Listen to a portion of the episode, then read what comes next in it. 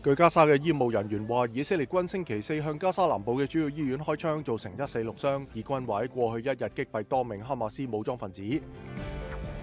北约成员国嘅国防部长齐集比利时讨论对乌克兰同北约安全嘅支持。美国前总统特朗普嘅言论正在破坏北约安全同美国对盟友承诺。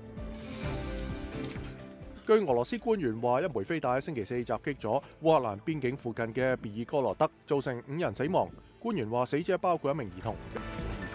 印尼抗议者同人权活动人士集会反对苏比安托喺总统选举中获胜。据非正式点票结果显示，呢一名前特种部队指挥官喺单轮投票当中明显获胜。